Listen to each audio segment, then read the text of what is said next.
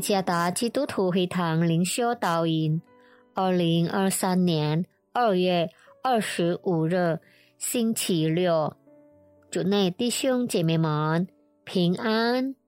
今天的灵修导引，我们会借着圣经传道书十二章第一节来思想今天的主题：盼望以喜乐为终。作者。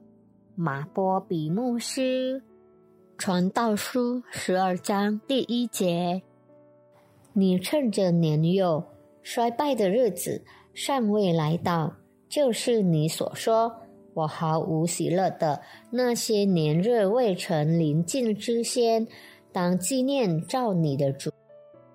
你心中不要嫉妒罪人，只要终日敬畏耶和华。因为至终必有善报，你的指望也不致断绝。参看箴言二十三章十七到十八节，信徒的生命专注于耶稣基督，而不是世界。虽然他们会失去肉体的享受。但这是获得属天喜乐所必须付出的代价。在这段经文中，有智慧的传道者对自己所犯的罪后悔，并以这节结束他的教导。他不但是一个口才好的人，也是一位善于教导的传道人。他会给人最深刻的印象，并预计这对他的听众会产生什么影响。他警告年轻人要趁年幼的时候尽快信靠上主，不要拖延，直到主的日子来到。他这个劝勉用一个人年老时身体的健康衰退的各种现象。来强调，参看第二到第五节，这就是说，一人所盼望的应已喜乐，而不是用遗憾和痛苦结束。当纪念照你的主的意思是，相信上主的信徒应从年幼时，而不是在无能为力时，为神工作。不然的话，他就会后悔，并且说这一切有什么益处呢？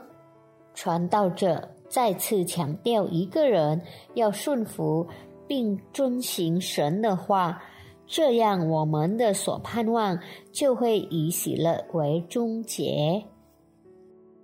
正如今天我们思想的传道书所教导的。盼望所有的信徒不要再拖延时间，反过来应该一直信靠耶稣，心存盼望。虽然有些人因生活的压力、各种的重担，失去了盼望的勇气，但是让我们一直亲近主，经历他的恩典，更深刻的认识耶稣。因为真正的盼望是在他里面得到的。